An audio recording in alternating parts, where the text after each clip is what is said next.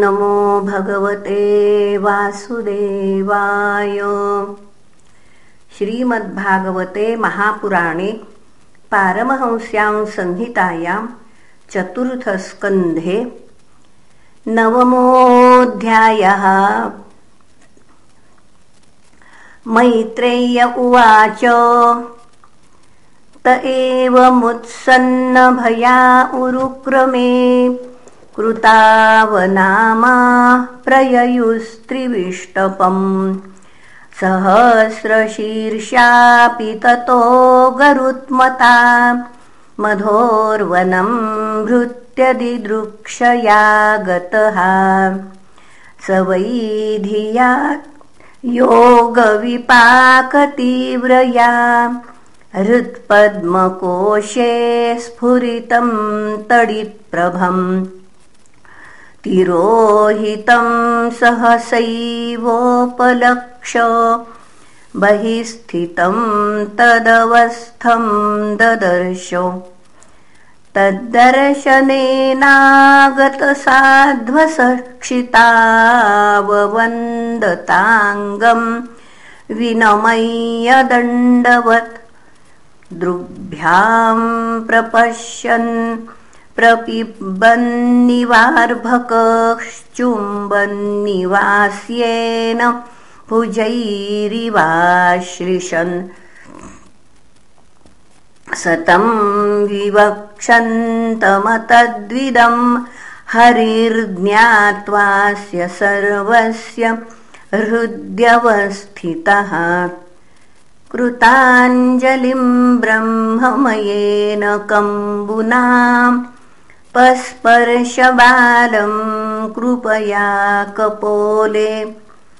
स वै तदैव प्रतिपादितां गिरम् दैवीं प्रतिज्ञातपरात्मनिर्णयः। तं भक्तिभावोऽभ्यगृणादसत्वरम् परिश्रुतोरुश्रवसं ध्रुवक्षितिः। ध्रुव उवाच योऽन्तः प्रविश्य मम वाचमिमां प्रसुप्ताम् सञ्जीवयत्यखिलशक्तिधरस्वधाम्नाम्।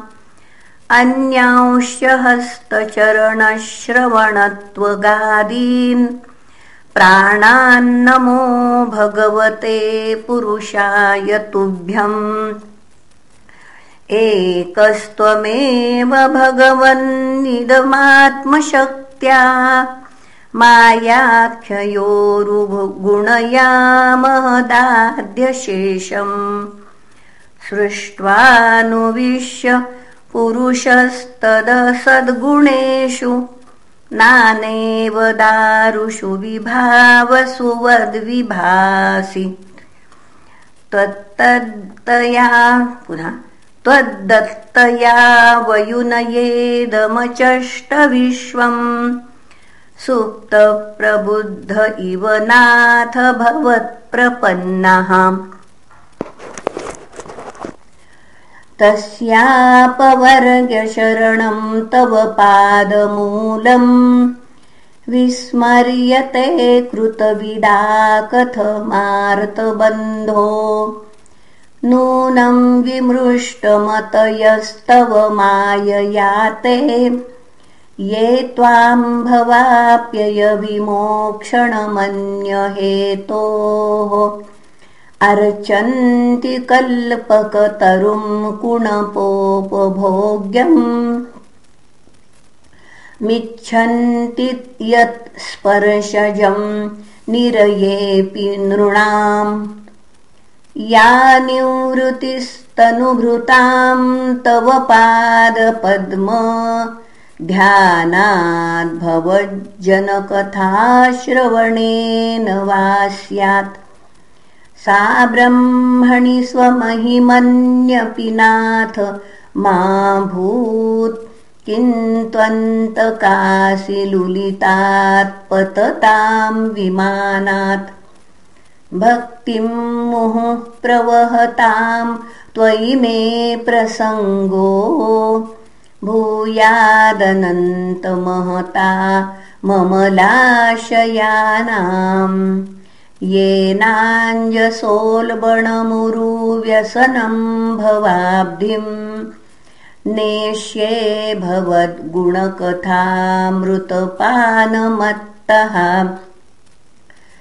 तेन स्मरन्त्यतितराम् प्रियमीशमर्त्यम् ये चान्वदसुतसुहृद्गृहवित्तदाराः ये त्वब्जनाभवदीयपदारविन्द सौगन्ध्यलुब्धहृदयेषु कृतप्रसङ्गाः। तिर्यं दैत्यमर्त्यादिभिः परिचितं सदसद्विशेषम् रूपं स्थविष्ठमजते महदाद्यनेकम् नातः परं परमवेद्मिन यत्र वादः। कल्पान्त एतदखिलं जठरेण गृह्णन्। शेते पुमान् स्वदृगनन्तसखस्तदङ्के यन्नाभिसिन्धुरुह काञ्चन लोकपद्मगर्भे द्युमान् भगवते प्रणतोऽस्मि तस्मै। त्वं नित्यमुक्तपरिशुद्धविबुद्ध आत्मा कूटस्थ आदिपुरुषो भगवंस्त्र्यधीशः यद्बुद्ध्यवस्थितिमखण्डितया स्वदृष्ट्या द्रष्टा स्थितावधिमखो व्यतिरिक्त आसे। यस्मिन् विरुद्धगतयो ह्यनिशम् पतन्ति विद्यादयो विविधशक्तय आनुपूर्व्यात् तद्ब्रह्म विश्वभवने मे पुनः तद्ब्रह्म विश्वभवमेकमनन्तमाद्य मानन्दमात्रमविकारमहं प्रपद्ये। सत्याशिषो हि भगवंस्तव पादपद्म माशिस्तथानुभजत पुरुषार्थमूर्तेः आप्येवमर्य भगवान् परिपाति दीनान् वाश्रेव वत्सकमनुग्रहकातरोऽस्मान्। मैत्रेय उवाच। पुनः अथाभिष्टुत एवन्वै सत्सङ्के पुनः अथाभिमुष्टत एवं वै सत्सङ्कल्पेन धीमता। भृत्यानुरक्तो भगवान् प्रतिनन्देदमब्रवीत् श्रीभगवानुवाच। वेदाहं ते व्यवसितं हृदिराजन्यबालको तत्प्रयच्छामि भद्रन्ते दुरापमपि सुव्रतो। नान्यैरधिष्ठितं भद्र यद्भ्राजिष्णुध्रुवक्षिति। यत्र ग्रहर्क्षताराणाम् ज्योतिषां चक्रमाहितम्। मेढ्यां गोचक्रवत्स्थाश्रु परस्तात्कल्पवासिनाम्। धर्मोऽग्निः कश्यपशुक्रो मुनयो येव नौकसः। चरन्ति दक्षिणीकृत्य भ्रमन्तो यत्स तारकाः प्रस्थिते तु वनम् पित्रा दत्त्वा गाम् धर्मसंश्रयः षट्त्रिंशर्वर्षसाहस्रम् रक्षिता व्याहतेन्द्रियः तद्भ्रातर्युत्तमे नष्टे मृगयायाम् तु तन्मनाः। अन्वेषन्ती वनम् माता दावाग्निम् सा प्रवेक्षति इष्ट्वा माम् यज्ञहृदयम् यज्ञैः पुष्कलदक्षिणैः। भुक्त्वा चेहाशिषः सत्या अन्ते माम् संस्मरिष्यसि।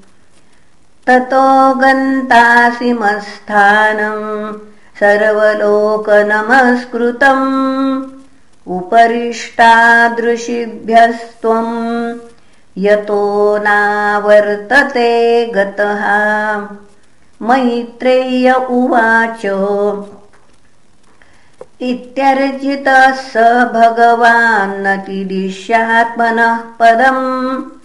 बालस्य पश्यतो धाम स्वमगाद्गरुडध्वजः सोऽपि सङ्कल्पजम् विष्णो पादसेवोपसादितम् प्राप्य सङ्कल्पनिर्वाणम् नातिप्रीतोऽभ्यगात्पुरम्। विदुर उवाच सुदुर्लभम् यत् परमम् पदम् हरेर्मायाविनस्तच्चरणार्चनार्जितम् लब्ध्वाप्यसिद्धार्थमिवैकजन्मना कथम् स्वमात्मानममन्यतार्थवित्। मैत्रेय्य उवाच मातु स्वपत्न्या वाग्बाणैर्हृदि विद्धस्तु तान् स्मरन् नैच्छन्मुक्तिपतेर्मुक्तिम्। तस्मात्तापमुपेयिवान्। ध्रुव उवाच समाधिना नैकभवेन यत्पदम्। विदुःसनन्दादय ऊर्ध्वरेतसः मासैरहं षड्भिरमुष्य पादयोच्छायामुपेत्यापगतः पृथङ्मतिः अहोबत ममात्मा पुनः अहोबत ममानात्म्यम् मन्दभाग्यस्य पश्यतो।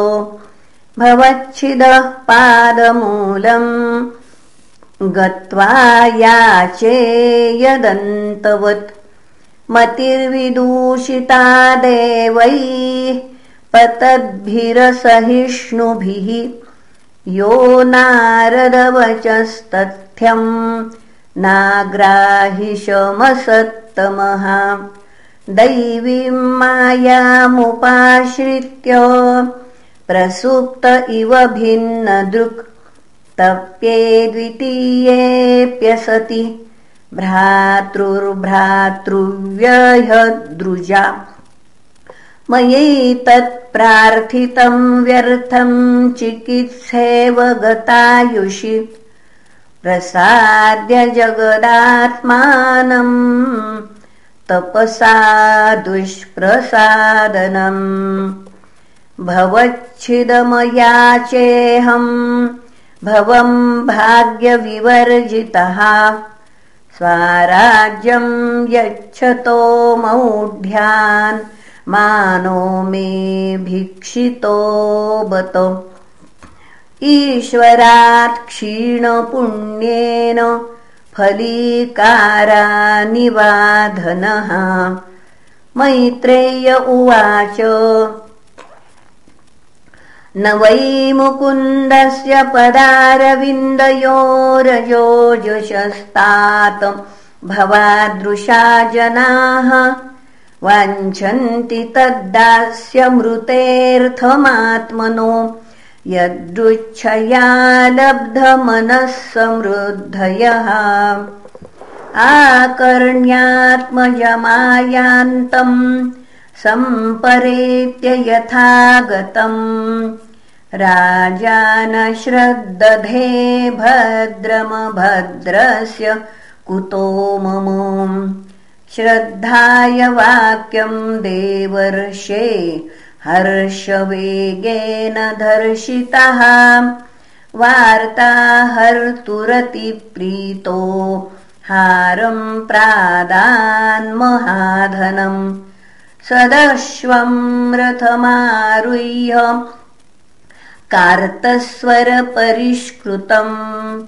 ब्राह्मणैः कुलवृद्धैश्च पर्यस्तोमात्मबन्धुभिः।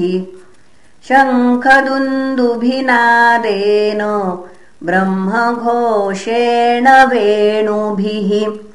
निश्चक्रामपुरात्तूर्णमात्मजाभीक्षणोत्सुकः सुनीतिः सुरुचिश्वास्य महिष्यौ रुक्मभूषिते आरुह्य शिबिकाम् सार्ध मुत्तमेनाभिजग्मतुः।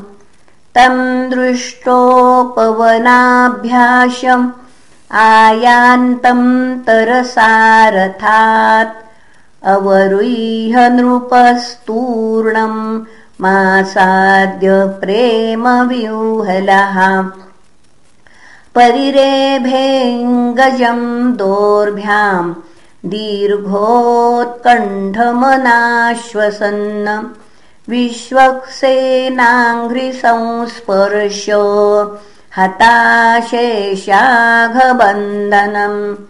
अथा जिघ्रन्मुहुर्मूर्ध्नि शीतैर्नयनवारिभिः स्नापयामासतनयम् जातोद्दाममनोरथः। अभिवन्द्यपितुः पादावाशीर्भिश्चाभिमन्त्रितः।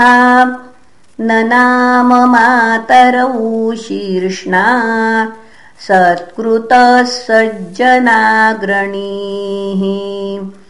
सुरुचिस्तम् समुत्थाप्य पादावनतमर्भकम्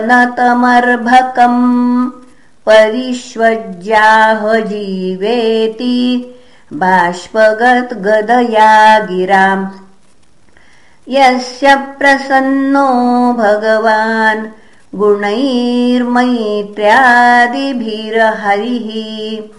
तस्मै नमन्ति भूतानि न्यूनमाप इव स्वयम्। उत्तमश्च ध्रुवश्चोभावन्योन्यम् प्रेमविह्वलौ। अङ्गसङ्गादुत्पुलकावस्त्रौघम् सुनीतिरस्य जननी प्राणेभ्योऽपि प्रियम् सुतम्। उपगुह्य जहावाधिम् तदङ्गस्पर्शनिवृताम्। पयस्तनाभ्याम् सुस्नाव नेत्रजैः सलिलैः शिवैः। तदाभिषच्यमानाभ्याम् वीरवीरसुवो मुहुः। ताम् शशंसुर्जनाराज्ञीम् दिष्ट्या ते पुत्र आर्तिः। प्रतिलब्धश्चिरम् नष्टो। रक्षिता भुवः। अभ्यर्चितस्त्वया नूनम् भगवान् प्रणतार्तिः यदनुध्यायिनो धीरा मृत्युम् जिज्ञुः सुदुर्जयम् लाल्यमानम् जनैरेवम् ध्रुवम् स भ्रातरम् नृपः आरोप्यकरिणीम् हृष्ट स्तूयमानो विशत्पुरम् तत्र तत्रोपसङ्क्लुप्तैर्लसन्मकरतोरणैः सवृन्दैकदलीस्तम्भैः पूगपोतैश्च तद्विधैः च्यूतपल्लववासस्रं मुक्तादाम विलम्बिभिः उपस्कृतं प्रतिद्वारमपां कुम्भैः सदीपकैः प्राकारैर्गोपुरागारैः श्यातकुम्भपरिच्छदैः सर्वतोऽलङ्कृतं श्रीमद्विमानशिखरद्युभिः मृष्टचत्वररथ्याट्टमार्गम् चन्दनचर्चितम् लाजाक्षतैः पुष्पफलैस्तुण्तण्डुलैः बलिभिर्युतम्। ध्रुवाय पथि दृष्टाय तत्र तत्र पुरस्त्रियः। सिद्धार्थाक्षतदध्यम्बु दूर्वा पुष्पफलानि च। उपजौः प्रयुञ्जानाम् वात्सल्यादाशिषः स्रतीः। शृण्वंस्तद्वल्गुगीतानि प्राविशद्भवनम् पितुः। महामणिव्रातमये स तस्मिन् भवनोत्तमे लालितो नितराम् पित्रान्यमसद्दिविदेववत् पयः फेनशि निभाशय्याम् दान्तारुक्मपरिच्छदाः। आसनानि महार्हाणि यत्र रौक्मा उपस्कराः। यत्र स्फटिककुड्येषु महामारकतेषु च मणिप्रदीपाम् शुक्ल। पुनः मणिप्रदीपा आभान्ति ललनारत्नसंयुताः। उद्यानानि च रम्याणि विचित्रैरमरद्रुमैः कूजद्विहङ्गमिथुनैर्गायन्मत्तमधुव्रतैः। वाप्यो वैदुर्यसोपाना पद्मोत्पलकुमुद्वतीः। हंसकारण्डवकुलैर्जुष्टाश्चक्काह्वसारसः उत्तानपादो राजर्षि तनयस्य तम्। श्रुत्वा दृष्ट्वाद्भुतमतम् शुक्ल। पुनः श्रुत्वा दृष्ट्वाद्भुततमम् प्रपेदे विस्मयम् परम्। वीक्षोढवयसं तञ्च। प्रकृतीनाञ्च सम्मतम् अनुरक्तप्रजम् राजा ध्रुवम् चक्रे भुवः पतिम्। आत्मानञ्च य प्रवयसमाकल्लय्यविषाम् पतिः। वनम् विरक्तः प्रातिष्ठत् विमृशन्नात्मनो गतिम् इति श्रीमद्भागवते महापुराणे पारमहंस्यां संहितायां चतुर्थस्कन्धे ध्रुवराज्याभिषेकवर्णनं नाम नवमोऽध्यायः। श्रीकृष्णार्पणमस्तु। हरये नमः हरये नमः हरये नमः।